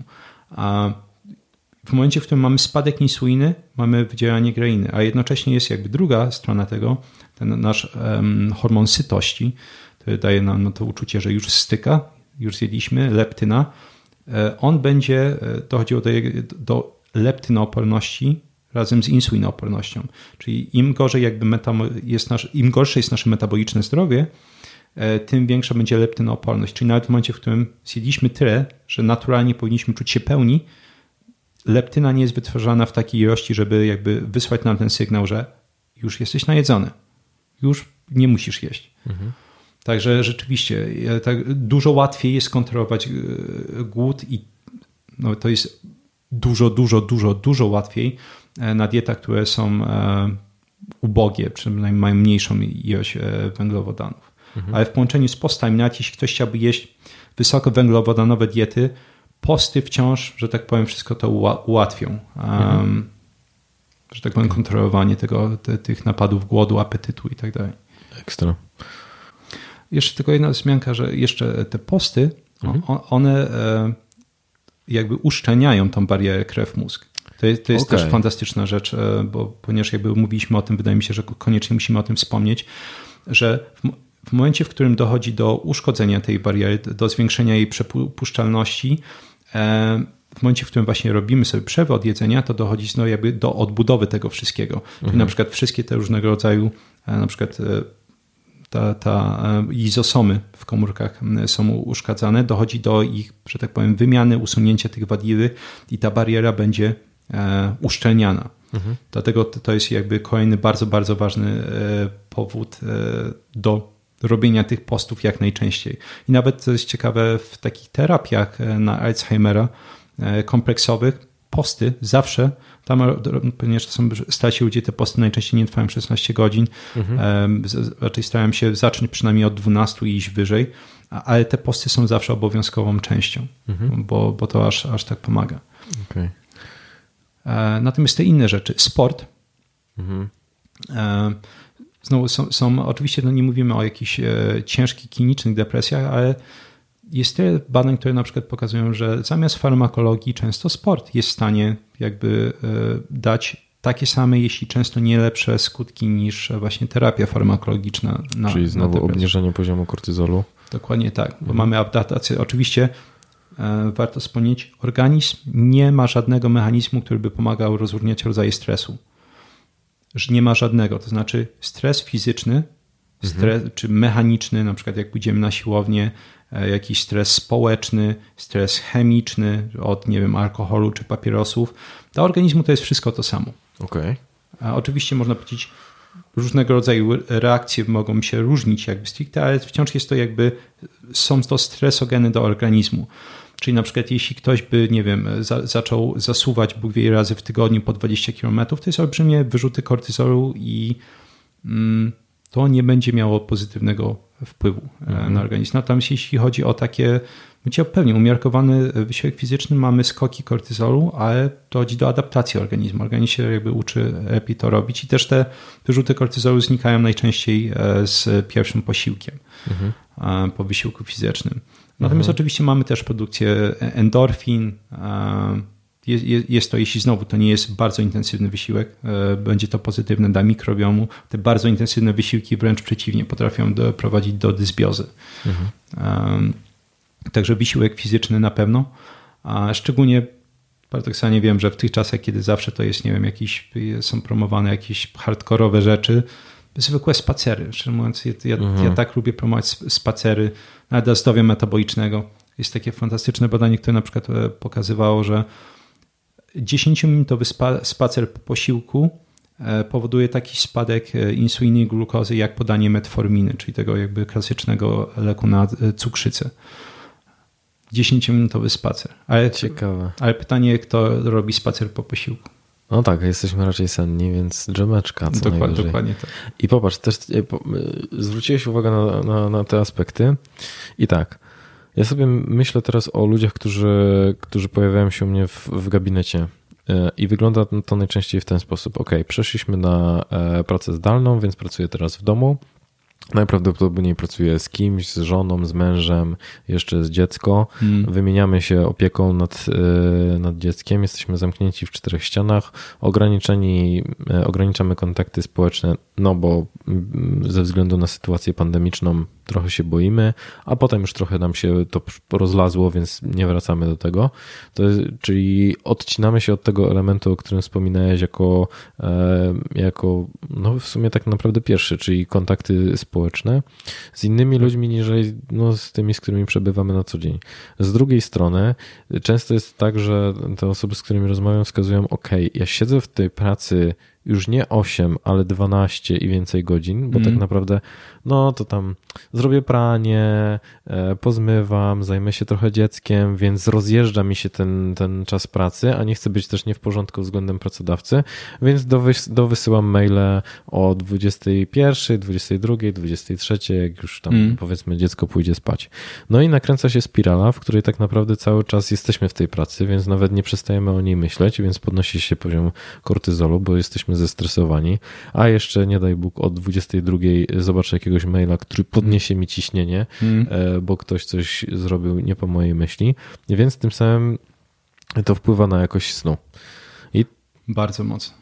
No i e, do tego wycofanie z aktywności fizycznej, bo to jest coś, co w większości przypadków słyszę, czyli nawet często słyszę dokładnie coś w tym stylu, kurczę, patrzę na ten licznik kroków i widzę tam 200 kroków w ciągu dnia, no to Hmm. Aż dziwnie się z tym czuję. I, I, rzeczywiście tak jest, że ograniczamy tą aktywność fizyczną, no bo wcześniej można było tylko wychodzić do sklepu i, i nigdzie indziej. I tym samym popatrz, jaka tworzy się taka spirala i błędne koło. Czyli z jednej strony przez obecną sytuację tak sami wpędzamy się w to, żeby ten dobrostan psychiczny był gorszy. Czyli nawet metoda tego jest nawet ciekawie, ciekawa do odwrócenia, bo wspominasz o tym, że, że wiesz, wystarczy spotykać się z ludźmi, wystarczy, spotyk wystarczy um, jakby zażywać aktywności fizycznej, ale mhm. to już nawet nie mówimy o tym, że trzeba teraz chodzić na crossfit i robić martwy ciąg. Z... Nie, no, nawet, nawet po prostu spacerek, żeby po tak, sobie bo... nie, nie, nie wmówić, że jeśli teraz nie pójdę na siłkę i nie, nie, nie, nie pizgałem żelaza pół godziny, prawda, no to to jest po prostu koniec świata. Nie, spacer, po prostu y, pójść po prostu z drugą połówką, nie wiem, z dzieckiem e, na zwykły spacer. Tak, bo znowu obniżamy energię aktywacji, bo w momencie, kiedy mamy wrażenie, że ok, dobra, to wrócę do formy, przecież przed, przed pandemią przygotowywałem się do triatlonu hmm. i w momencie, kiedy rozbiję się o to, że przebiegnę 10 kilometrów po długiej przerwie, która hmm. w gorszym czasie niżeli to było mm, rok temu, a na pewno tak będzie, no to ja sobie wrzucam i myślę, no to w takim razie może nie warto sobie, mm, nie, nie będę do tego wracał, no bo, no bo tak. czuję się po prostu jeszcze gorzej. Czyli obniżenie tych wymagań względem siebie i to, to jest to, co radzę wszystkim, wszystkim osobom, czyli nie myśl sobie o tym, żeby zrobić 50 pompek, tylko zacznij od jednej, bo to już jest coś, co, żeby jakby dać ten bodziec, hmm. za, za, zacząć. A i tak jest to ignorowane, prawda? Bo to jest, kurde, jakbym chciał robić jedną pompkę, to... to jedną prostu, pompkę? Co to jest jedna, co to jest jedna pompka? No. Także to, to jest też ciekawe. Posty Y, myślę, że tak, zgadzam się z Tobą w pełni, że są całkowicie niedoceniane. Ja jeszcze chciałbym też wspomnieć o takiej rzeczy, która. Pan nawet się mówi czasami, to jest mnie przeraża, że w środowiskach medycznych się mówi, że są szkodliwe. To już jest po Szkodliwe. Prostu, tak. Mhm. Okay. Myślę, że to też może brać się z tego względu, że tak rzucam, że to, co było moim wyzwaniem, żeby zmienić to przyzwyczajenie trafiania w okno żywieniowe, czyli mm. ja nie zjem tyle kalorycznie, ile potrzebuję, bo no nie jestem też głodny, nie? Bo nagle to, co jadłem w 12 czy, czy więcej godzin, muszę zmieścić w 8. Mm. To, to bym wskazywał, ale to, co było dla mnie zaskoczeniem, to pamiętam, jak kiedyś spotkałem się z Michałem Kowalczykiem, który też był w, w, w podcaście i mówił o wysokiej wydajności. E, no to spotkałem się z nim w momencie, kiedy był w piątego dnia postu. Mm. I to, co było dla mnie zaskakujące, no to facet nie jadł od pięciu dni, więc wyobrażałem sobie, że przyjdzie kościotrup, który nie będzie miał całkowicie siły, e, a on na spotkaniu... Zaśnie na stoliku Tak, zaśnie na stoliku i trzeba będzie wzywać karetkę, a tak naprawdę ja nie widziałem różnicy. Wręcz powiedziałbym, że był bardziej trafny w swoich wypowiedziach mm. wtedy, niżeli, niżeli zazwyczaj, także myślę, że... Tak, ta spójność było... mentalna po prostu w przypadku dłuższych postów, czy nawet w przypadku zwykłych, wydaje mi się, że czasami ludzie się właśnie skupiają na, nie wiem jak to nazwać, drogach na skróty, że właśnie o, tutaj nie musimy jakieś no, tropiki koniecznie, wszystkie jakieś magiczne grzybki, rajszy, prawda, i tym podobne rzeczy, żeby zwiększyć produkcję BDNF, a takie rzeczy po prostu proste, jak e, właśnie choćby posty. Na przykład posty swoją drogą są w stanie zwiększyć 3 do 5 razy produkcję BDNF. Okay. A tak jak sobie mówiliśmy, BDNF między innymi jest odpowiedzialny za produkcję serotoniny w główce. E, więc to są te właśnie takie proste rzeczy, które wydaje mi się w ogóle całą ewolucję nam towarzyszyły, a teraz po prostu to, mhm. to jest to smutne, e, że właśnie w ogóle od kogokolwiek z, z tej profesji medycznej można usłyszeć, że bardzo chory i niebezpieczny pomysł. Mhm. I to najczęściej są osoby, które po prostu jeszcze brzucha noszą wokół pasa, nie jedz śniadanie. No, Okej. Okay. Mhm. No, nie mówimy, żeby nie jeść tych śniadań, tylko pytanie o której. Mhm. Okej. Okay. E, chciałem też pogadać o kwestii związanej z suplementacją. Czy, bo wydaje, bo w, czy są jakieś suplementy, które powinniśmy przyjmować, bo jakby często się słyszy o tym, że suplement nie może być zastępowany, e, nie zastąpi zrównoważonej zbilansowanej diety. I teraz zastanawiam się, co ty o tym myślisz? Czy są jakieś suplementy, które powinniśmy przyjmować mimo wszystko? Hmm. Zaledwie, zaledwie parę, chociaż e, na pewno warto zacząć, że to naprawdę zależy od, e, od osoby. Mhm. E, oczywiście każdy ma różnego rodzaju kłopoty medyczne, nie wiem, autoimmunologiczne, może alergie, może to, tamto. I to na pewno będzie, że tak powiem, w jakiś sposób modulowało to, co powinniśmy brać. Natomiast z takich uniwersalnych rzeczy na pewno zawsze zaczynam magnes, magnes, magnes, magnes, magnes. Bo mimo, że tak, jest, jest oczywiście te, te, ta, ta opinia, przynajmniej jakaś cząstkowa, nie powiedziałbym, że może jakoś mocno rozpowszechniona, że nie powinniśmy suplementować, bo to wszystko powinno być z diety, to trzeba pamiętać, że albo że suplementacja jest nienaturalna, to trzeba pamiętać, że świat jest nienaturalny. Tak bardzo mocno, tak? Jakby ilość po prostu toksyn w środowisku, z którymi mamy na przykład kontakt teraz choćby żyjąc w mieście, jest e, metale ciężkie, jest naprawdę kosmiczna. Mhm. E, musimy, musimy pamiętać, że cała ta jakby nasza gospodarka rolna też sprawia, że na przykład gleby są mocno wyjałowione. Mhm. Także wszystkie to nieważne, czy kupujemy e, warzywa, czy kupujemy produkty zwierzęce, czy odzwierzęce, jakby tam będzie już naturalnie dużo mniej choćby e, minerałów, choćby witamin, bo po prostu te minerały się skądś biorą, skąd z gleby. Mhm. Teraz pytanie właśnie, czy te gleby, że tak powiem, są wystarczająco bogate w, w te składniki. No nie, to jak ktoś kogoś to interesuje, może na przykład poczytać właśnie jak e, wyjałowione w magnes są gleby. To jest przerażające i dlatego magnes po prostu bardzo polecam i powodów jest mnóstwo. E, ja w ogóle suplementuję, dla wielu osób może być, być nawet bardzo dużo, 450 e, mg dziennie e, i cytrynianu magnezu, to jest bardzo dobrze jakby wchłanialny magnez, mniej więcej mhm. 90% się mówi, a jednocześnie jest po prostu tani. Czyli jak powiem w aptece cytrynian magnezu, tak. poproszę. Tak, jest mnóstwo tych form magnezu, są to takie bardziej fancy też formy, które są dużo droższe, są takie kiepsko wchłaniane, węgla, magnezu średnio 10%, chociaż mhm. to będzie zależało od stężenia w organizmie, bo nawet te, jak często się e, zapomina o tym w tych debatach, że na przykład takie rzeczy jak węglan magnezu, które rzeczywiście mają klinicznie kiepską wchłanialność, one i tak będą wchłaniane w dużo większym stopniu, jeśli byśmy mieli niedobór. Organizm jakby więcej z tego wyłuska.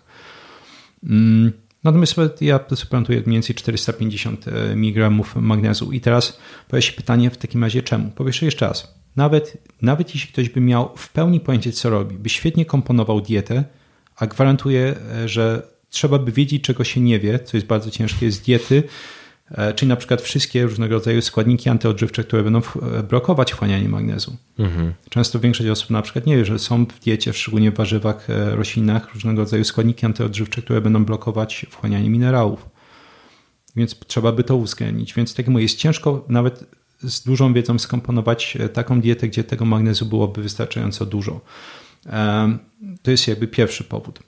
Drugi dla mnie to jest po prostu mamy dosyć dużo stresorów. Jeszcze raz, organizm nie rozróżnia, czy to jest kawa, tak, że, że tego stresu, podniesienia kortyzolu od spożycia e, kawy, alkoholu, papieroska, wdychania spalin, tego, że szef nas wkurzył, tego, że jesteśmy w biurze i białe światło na nas wali mhm. po prostu non-stop, a to powoduje podwyższenie kortyzolu bardzo mocno. Okej, okay. czyli takie LEDowe światło, albo takie jak mamy tutaj. Tak, bardzo mocno. Wiesz, miałem na przykład e, nie tak dawno pacjenta, który po prostu waje non-stop tą kawę i myśli, Boże, ale przecież muszę się jakoś ożywić, a jednocześnie po prostu e, ten kortyzol był tak niebezpiecznie wysoki, musieliśmy go obniżyć. Mówię, no, wycinamy ten kortyzol jak możemy. Jeden z tych jakby mechanizmów, no to oczywiście po prostu nie pij na razie kawy, dopóki się to nie ustatkuje.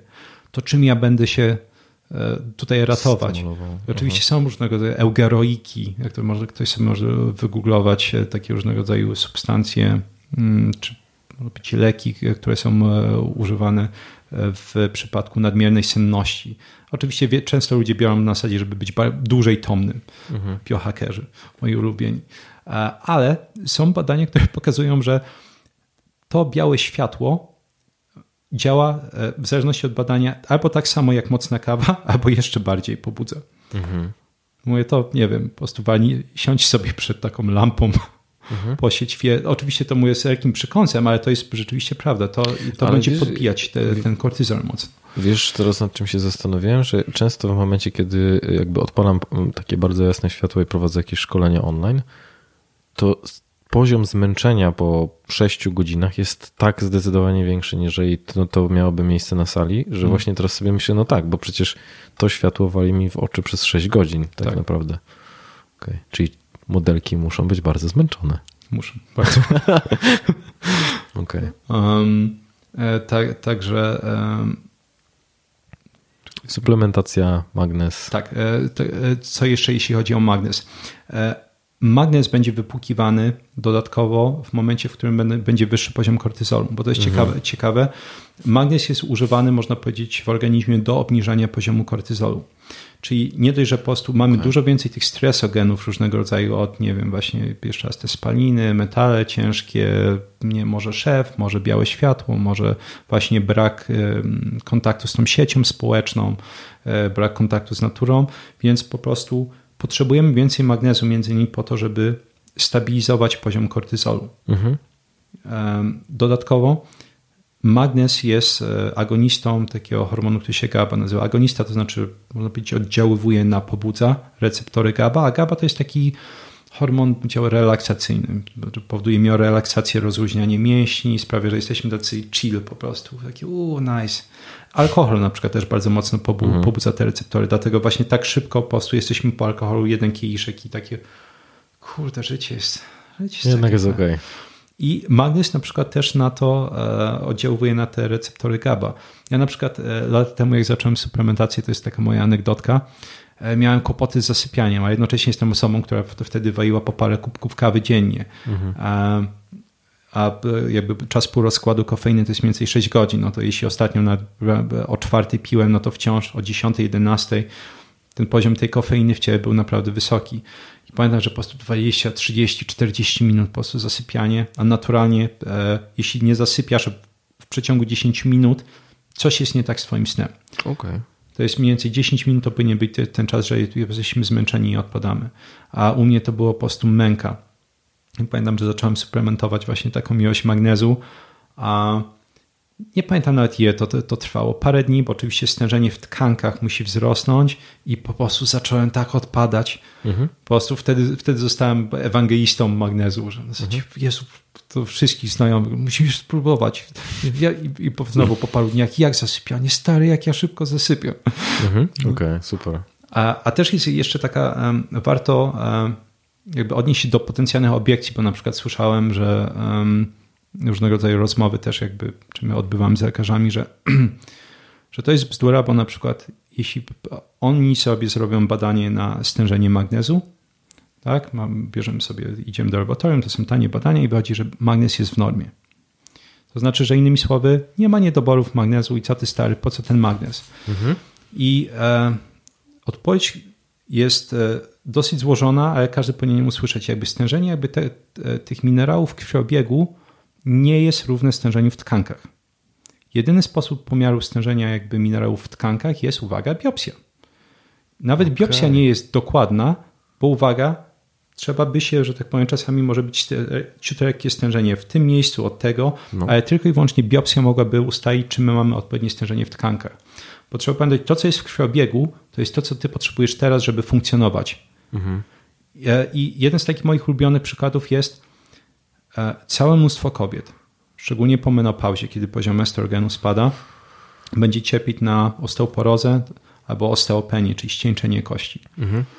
I teraz e, królestwo temu, czy tej kobiecie, która po prostu w momencie, w którym poszła i robiła sobie badanie na stężenie wapnia właśnie w krwi, że ten wapń nie był na odpowiednim poziomie. On zawsze jest.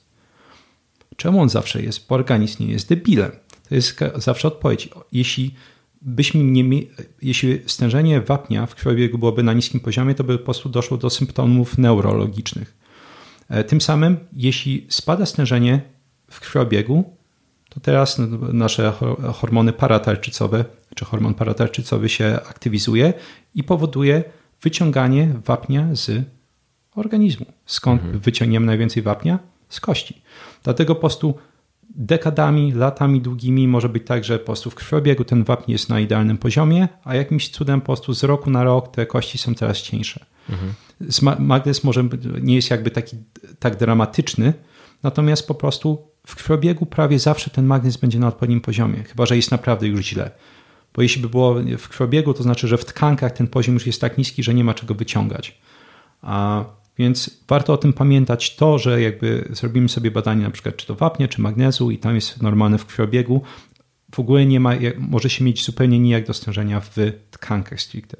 Tym samym bardziej bym się patrzył na stricte, wygooglował sobie na przykład symptomy niedoborów magnezu mm -hmm. a, i zobaczył, czy my mamy takie subkliniczne, czy jeszcze nie jakby w pełni rozbuchane symptomy, ale przynajmniej subkliniczne albo już normalne symptomy niedoborów, czyli właśnie na przykład niemożność kontrolowania stresu, nerwowość, kłopoty z zasypianiem, e, kłopoty z gospodarką cukrową. Oczywiście każda z tych rzeczy może mieć wiele podłóż czy wiele powodów, natomiast e, powiedział często właśnie patrząc na to, jeśli się dobrze jakby pamięta te symptomy niedoborów, e, można powiedzieć, że ok, jest duża szansa, że na przykład ta osoba będzie cierpieć na niedobór a zwłaszcza na to, że po prostu bardzo ciężko przedawkowanie, szczególnie w takich ilościach magnezu, to jest coś, co bez problemu można zalecić absolutnie każdemu. Mhm.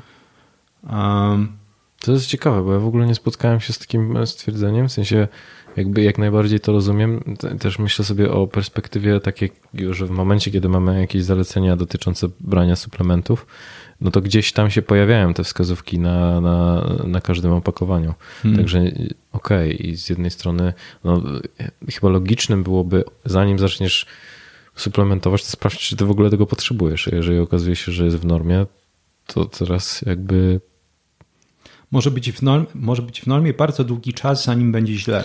Bo, tak, bo mamy tak. to, są, można powiedzieć, praktycznie repozytoria minerałów tkanki.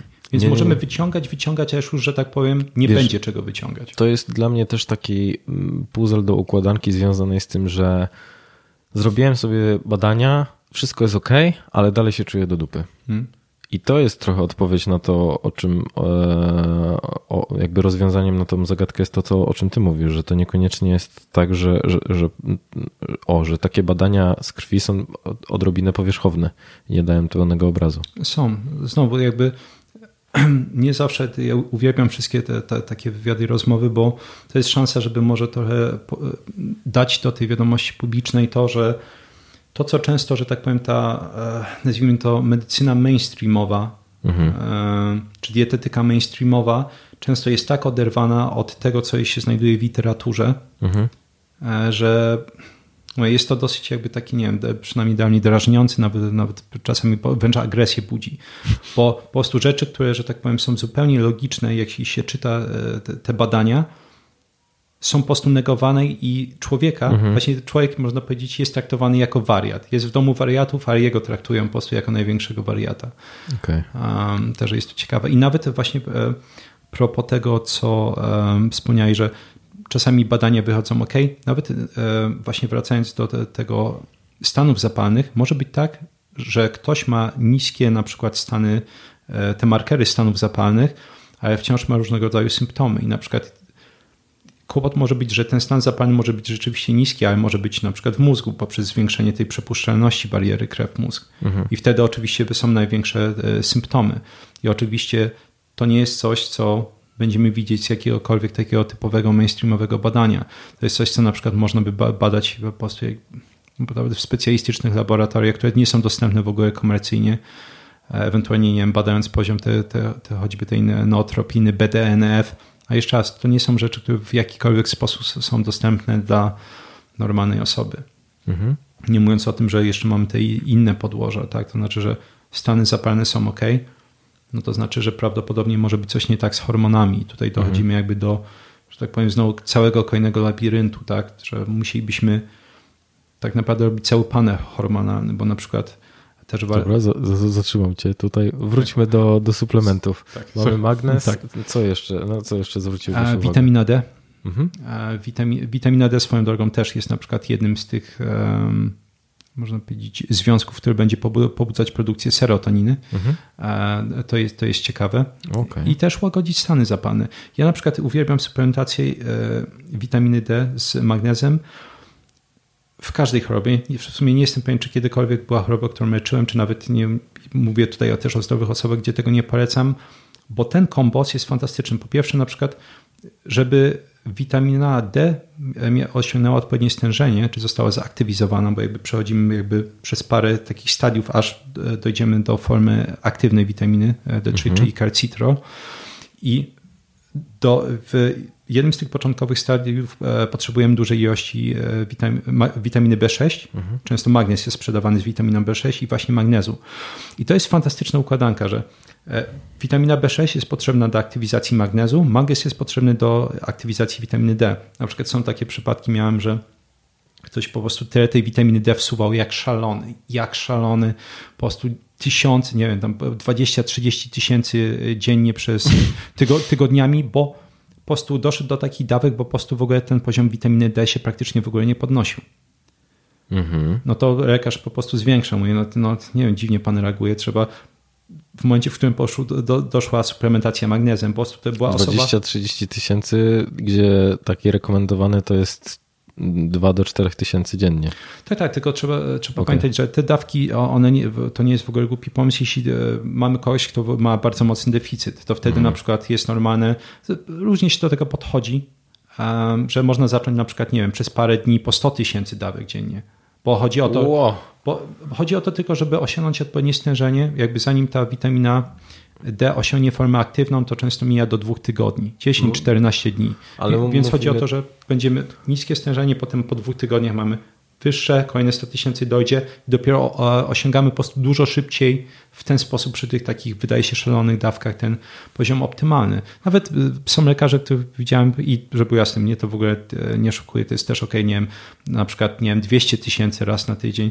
Różne są podejścia, Okay. To też zależy od pacjenta, czy jak mu wygodniej. Czy woi dawki uderzeniowe, czy woi na przykład wiesz, zacząć od mniejszych, a potem mm. zwiększać.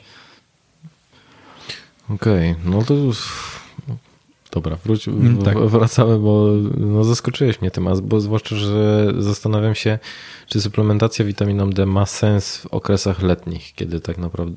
Hmm?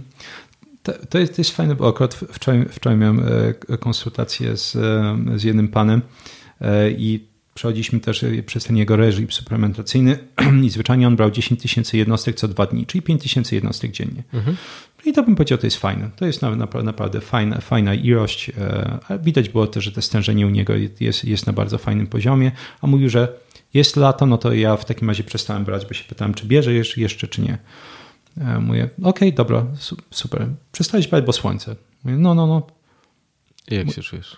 I, e, no, nawet nie to, tylko było, okej, okay, e, powiedz mi, e, ponieważ rozumiem, że tego słońca zażywasz dużo w tygodniu. Jak to wygląda od poniedziałku do piątku?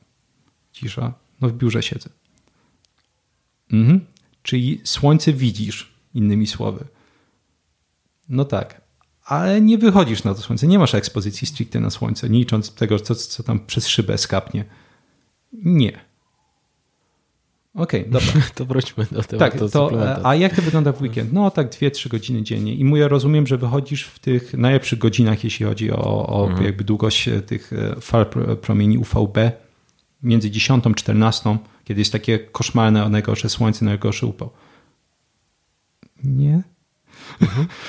Także często, często, że tak powiem, lato tak wygląda w wykonaniu całego mnóstwa osób, łącznie ze mną.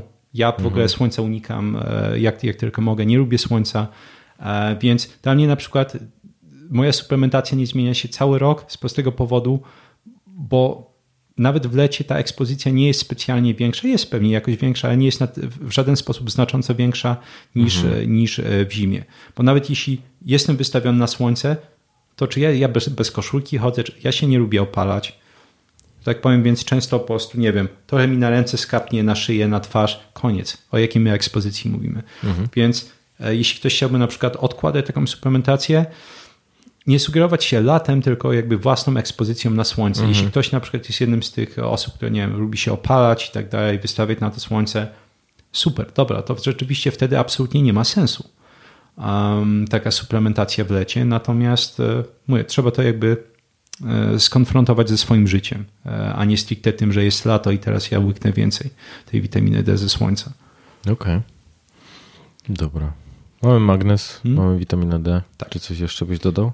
Um, dokończę tego. Te komposy są w ogóle fantastyczne. Nie tyle mhm. właśnie kontrola cukru, witamina D e, i magnez fantastycznie pomagają kontrolować jakby gospodarkę cukrową, e, nastrój, bo jeszcze raz magnez mhm. działa na GABA, witamina D powoduje zwiększone wyrzuty serotoniny, łagodzą, e, łagodzi ta kombinacja przebieg wielu chorób autoimmunologicznych, czyli nawet jeśli są reakcje, to są mniejsze, także, także jeszcze raz tylko sprzedaję dalej tego kombosa, bo jest naprawdę świetny a o skutki uboczne, no cóż, ciężko. Mhm. Są jakieś firmy, y, które byś polecał szczególnie? Nie. Czy nie, nie ma to większego znaczenia? Nie. Bo y, odwieczna walka na zasadzie w suplementach może być wszystko, to muszą być leki, y, bo wtedy mamy pewność, że są przebadane. Jest, jest to prawda, ale nawet w lekach często. To, jakby to, że leki są przebadane, to nie znaczy, że po prostu nie, nie różnią się jakby dawki. Pewnie, że suplementy to jest dziki zachód żeby było jasne, mhm. ale z drugiej strony nawet jeśli, jeśli, nie wiem, powiedzmy, biorę 450 mg i załóżmy, że jest mniej, może być i więcej swoją drogą. Że to nie jest tylko, że przycinają czasami więcej, im się sypnie. E, I biorę, nie wiem, 350, bo przycięli. Mhm. To jest w zasadzie, szczerze mówiąc, jeśli nie, nie, nie bierze się szalonych dawek tego, żadnego suplementu, to w najgorszym razie po prostu będzie trochę mniej, będzie trochę więcej, ale że tak powiem, wciąż człowiek ma ten bufer bezpieczeństwa, okay. więc, więc bym się nie, nie przejmował. A też takie sytuacje, że są po prostu jakieś toksyczne domieszki tam przez przypadek, to praktycznie się nie zdarza, więc że tak powiem, znalazłbym coś w przyzwoitej cenie. Mhm. Ja zawsze staram się po prostu nie trzymać naj, najtańsze, nie absolutnie najtańsze, tylko gdzieś tam trochę mhm. wyżej i, i tak Średnia półka cenowa. Mhm. Okej, okay, tak dobra. Jest. Dobra. Coś jeszcze? E, z suplementów e, jeszcze bym zalecał po prostu moją kochaną witaminę C. Witamina C mhm. jest e, fantastyczna, ponieważ to, to jest dosyć mocny antyoksydant, e, czyli będzie łagodził stany zapalne. między innymi. I fajną rzeczą, jeśli chodzi jest o witaminę C, jest po prostu cena, dostępność tego. Ja kupuję na przykład kilogramowy worek za 30-35 zł za, mhm. z Allegro i starczy na, na długi czas. I jasne, to nie jest coś, co na przykład co ja suplementuję e, codziennie, nie widzę żadnej potrzeby. O właśnie, bo to jest też to, że spotkałem się wielokrotnie z tym, że e, codziennie jako taki, no jakby już, już skład codziennej diety. Hmm? Jak ty do tego podchodzisz? W jakich sytuacjach powinno się, kiedy tego nie robić? Nie, szczerze mówiąc, ta, ta, tak, e, jeśli byśmy wzięli pół łyżeczki, że tak powiem, to byśmy w pełni w, w witaminy C E, to byśmy w pełni wypełnili po prostu stężenie witaminy C w tkankach. E, więc w ogóle branie większych ilości w momencie, w którym to trzeba podkreślić, nic nam nie jest, mhm. jest zupełnie nonsensowne, bo po prostu w zasadzie organizm musi to bardziej się wysilić, żeby to usuwać. Mhm. Usuwanie jakby nie jest procesem automatycznym, w tym sensie trzeba zużywać inne minerały, między innymi do transportu, e, inne witaminy częściowo, żeby się tego pozbyć. Mhm. Jakby nie ma nic za darmo w ciele, wszystko co wymaga, że tak powiem, transportu będzie zużywało. Więc dla mnie, czy jest sens? Nie. Natomiast jakoś właśnie, nie wiem, pojawiają się infekcje, pojawiają się różnego rodzaju kłopoty, czy to od samopoczucia właśnie, czy szczególnie właśnie choroby, tak, to wtedy rzeczywiście hardkorowo można to zużywać, bo też organizm wtedy zużywa witaminę C w bardzo wysokim tempie, tym samym po prostu ponawianie dawek nawet w ciągu jednego dnia wielokrotne ma sens, bo tylko schodzimy, odbudowujemy, znowu schodzimy, odbudowujemy i tak w kółko. Mhm. I wydaje mi się, nie, nie, nie, wiem, czy chciałbyś się z tym podzielić, jak u ciebie na przykład e, takie e, dawki witaminy C zadziałały na te stany mm, lękowe. Tak, bo to było dla mnie zaskakujące i chciałem właśnie o tym powiedzieć z tego względu, że jak odpisałeś mi, że w przypadku stanów lękowych mam e, stosować silne dawki, czyli tak naprawdę chyba, jeżeli mówisz pół łyżeczki, to jest no, około grama, dwóch, no, z 2 gram, tak. Hmm. Tak, to, to, e, to ty rekomendowałeś nawet kilkanaście gramów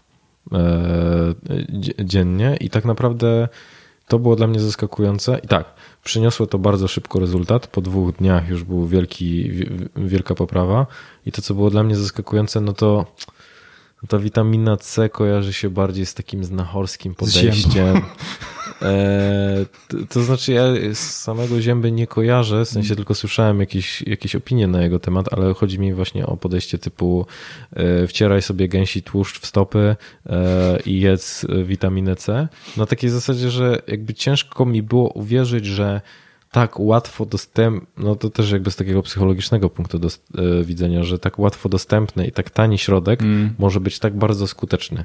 No bo to, o czym rozmawialiśmy, że jeżeli to by się nazywało e, poprawiacz humoru i twojego zdrowia 2000, który kosztuje 3000 zł za gram, mm. e, no to wtedy byłbym bardziej skory do tego uwierzyć co do tak, skuteczności. Tak. A tu mm. nagle okazuje się, że środek, który kosztuje 30 zł za kilogram, może wpływać pozytywnie na, mm. no, no, tak naprawdę na, na, na, na psychikę. Tak jest. Um, I właśnie jeśli chodzi o witaminę C, jeszcze fajnym patentem jest, ponieważ jakby stricte te nasze um, antyoksydanty endogenne, czyli wewnętrzne, one nie, nie, działają nigdy w odosobnieniu, one tworzą sieci. I na przykład um, witamina C działa razem z takim enzymem antyoksydacyjnym glutationem, mhm. między innymi i, i witaminą E. e to są tak może być chyba naj, taka najgęstsza, najpopularniejsza sieć antyoksydacyjna.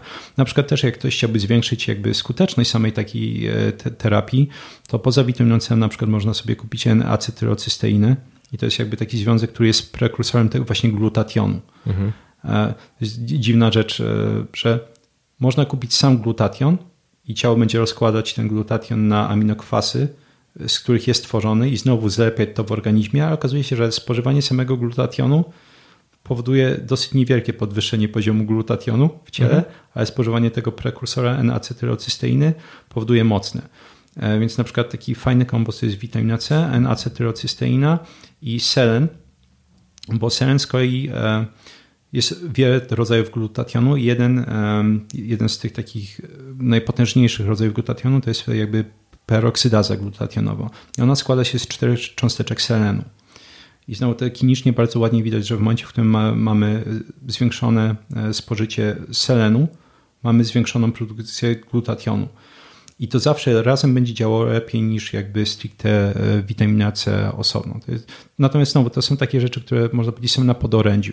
I mhm. plus oczywiście witamina E, bo wtedy, że tak powiem, nie dostarczamy tylko, można powiedzieć, tą jedną rzecz, to jest tylko trochę witaminy C, czyli trochę, jest dużo witaminy C, ale teraz jest kłopot, no glutationu nie ma nawet, nawet w dużym poziomie, a on też wszystkie te antyoksydanty są zużywane cholernie szybko, no bo muszą jakby zwalczać te, te patogeny, muszą likwidować cytokiny, mm, więc tym samym mówię, to jest, można bardzo fajnie tą sieć stworzyć i rzeczywiście wtedy efekty będą jeszcze szybsze. Okej. Okay. no to chyba mamy taki gotowy przepis na to, żeby... Jeśli, jeśli chodzi o choroby, praktycznie nikt nie wierzy, nieważne często jakie badania przytaczam, czy komuś wyślę, mhm. nikt nie wierzy, e, dopóki nie spróbuje, że nie ma tego pierwszego doświadczenia, że o mój Boże, to, to, to brzmi właśnie tak jak mówiłeś, smarowanie tym gęsim tłuszczem czy na zasadzie, wiesz, właśnie weź guano nietoperza, nasmaruj mhm. sobie klatę, prawda, obsyp się pierzem i następnego dnia będzie dobrze. W świetle księżyca. Tak, w świetle księżyca. No, o tym zapomniałem. Najważniejszy krok. No. A, ale rzeczywiście, jak, jak spróbują, to jest często na zasadzie tak, bo Czemu? skuteczność jest bardzo Jak? wysoka, a, a dostępność jest, yy, jest bardzo dostępna. Koszty, słodki I, Boże, koszty. I koszty. Dobra, Grosze. ja spróbuję to wszystko podsumować. Czyli w momencie, takim pierwszym krokiem w momencie, kiedy obserwujemy obniżenie nastroju, też to, co byś polecał zrobić, to po prostu badania morfologii krwi plus odczynnik e, Biernackiego. Tak jest. E, I żeby... I białko reaktywne C białko reaktywne C, żeby zwrócić szczególną uwagę na stany zapalne, tak. co to powinno być dla nas takim sygnałem alarmowym. Z drugiej strony to, na o co warto zadbać poza tym, to kwestie związane z e, siecią społeczną, czyli żeby brać czynny udział w, w, w, kontaktach z innymi ludźmi. Jeżeli chodzi o kwestie diety, to zadbać o to, żeby nie jeść więcej niżeli to potrzebne i nie, czyli jakby znać swoją podaż E, kaloryczną i wiedzieć, że, tak że, żeby jej nie przekraczać. Uważać na słodycze i po prostu ich nie kupować, mhm. żeby nie kusiło. E, Jakie to wszystko łatwe. No, tak, no. no. ale to jest łatwe, po prostu ich nie kupować. No. E, z drugiej strony też polecasz kwestie związane z postami, czyli jeść w okienkach żywieniowych 2, 16-8, hmm. czyli 8 godzin tak? O 24 godziny ma doba. Okej, okay, dobra. E, 8 godzin na jedzenie, czyli na przykład pomiędzy 10 a 18, a po pozostałym czasie nie jemy. Jeżeli chodzi o kwestie jeszcze związane z. Czekaj, co, e, kwestie suplementacyjne, czy tu jeszcze coś bym. Aha, kwestie związane z aktywnością fizyczną, mhm. czyli też nie uciekać w, e, w, sport na zasadzie teraz będę biegał triatlony, tylko nawet jeżeli miałby być to 10-minutowy spacer, to już będzie dla nas tak pomocny. Hmm. Okej. Okay. I do tego, jeżeli mówimy o suplementacji, to polecasz kwestie związane z magnezem, hmm. witaminą D, witaminą C, e, plus jeszcze te wszystkie mm, czynniki. N-acetylocysteina, ewentualnie witamina E i selen, jeśli ktoś chciałby mieć taką terapię uderzeniową, jeśli coś mhm. by się działo na szybkie jakby zbijanie stanów zapalnych. Okej, okay. mówisz o kwestii związanej z suplementacją witaminy D i magnezu na takiej zasadzie, żeby podchodzić do tego bardziej iteracyjnie, czyli bierzemy i sprawdzamy jak, jak to na mnie wpływa, niżeli ufać yy, takim wskaźnikom badań krwi. Znaczy, jeśli chodzi o witaminę D, witamina D jest, jest e, okay. że tak powiem, adekwatnym wskaźnikiem. E, mhm. Badanie magnezu nie będzie. Mhm, dobra, okej, okay, okej. Okay. Bo to jest ważne. Jakby jeśli rzeczywiście ktoś sobie by zrobił, i oczywiście akurat jeśli chodzi o witaminę D, to polecałbym, ponieważ witamina D jest jedną z witamin rozpuszczanych w tłuszczach, ona się będzie kumulować w tkankach. Magnez może być wypłukiwany dosyć łatwo, więc dużo ciężej o przedawkowanie, natomiast witaminie D i tak ciężko o przedawkowanie, ale mhm. ponieważ tutaj będzie jeszcze raz odkładane jakby w tłuszczu, to jeśli ktoś by rzeczywiście przesadzał, już miał bardzo wysoki poziom jakimś cudem i zaczął jeszcze jakąś bardzo mocną suplementację, no to może być kiepsko. Ale e, nawet w tak badaniach klinicznych, e, z tego co widziałem, ciężko jest dojść e, do poziomu toksycznego witaminy D, który by wynosił Niepokojący to jest w momencie, w którym przekroczymy jakby 100, 100 nanogramów na, na deciliter. Mhm. to jest już taki poziom zbyt wysoki, natomiast toksyczny zaczyna się gdzieś tam między 150-200. Mhm. Często się mówi u nas, że 100 to jest toksyczny. To jest po prostu zbyt wysoki poziom, ale nie jest jeszcze toksyczny. Mhm. E, nie będzie dochodził do na przykład kalcyfikacji, czyli na przykład odkładania wapnia w nerkach, takich mhm. nieodwracalnych rzeczy. E, natomiast w literaturze nie widziałem, żeby w ogóle doszło do osiągnięcia poziomu toksycznego w momencie, w którym nawet ktoś brał 15 tysięcy jednostek dziennie wychodzi na to, że to naprawdę nie jest, nie jest łatwe. Ciekawe. Trzeba dosyć. Trzeba jest, się jest postarać. To, jest dosyć przegiąć. powiedzmy uzasadnione, bo jeśli byśmy, nie wiem, e, znowu jesteśmy unga bunga, nie wiem, 300 tysięcy lat temu i non-stop jesteśmy wystawieni na słońce. Tak, jest. To, to wtedy po prostu w ciągu jednego takiego, czy nawet wydaje mi się, tam było 20 tysięcy jednostek dziennie, w ciągu jednego takiego dnia możemy sobie wchłonąć 15, 20, 30 tysięcy jednostek mhm. dziennie. Chociaż różnica jest taka, że jeśli suplementacyjnie spożywamy witaminę D, nic nie ogranicza jej produkcji, natomiast jeśli chodzi o receptory w skórze, jeśli organizm ma dosyć, potrafi je, można powiedzieć, przymknąć i nie będziemy produkować więcej. Więc ze słońca nie da się przedawkować witaminy D, da się przedawkować suplementów. Mhm. Bardzo się cieszę, że wiesz, że, że o tym pogadaliśmy, z tego względu, że jakby ilość osób, z którymi się spotykam, czy to w gabinecie, czy też w kwestiach po prostu takich znajomych, i sam tego doświadczyłem, jak niszczące konsekwencje miał COVID dla e, takiego dobrostanu psychicznego, mm.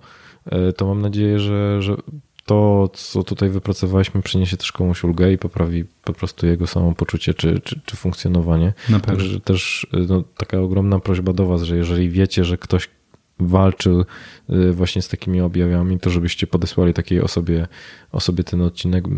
Miejmy nadzieję, że znajdzie coś co wdroży i, i poprawi właśnie jego, jego stan zdrowia czy, czy stan psychiczny. E, cóż, no Bartek, dzięki wielkie. Ja mam też takie pytanie do ciebie. Z czym ludzie się mogą do ciebie zwracać?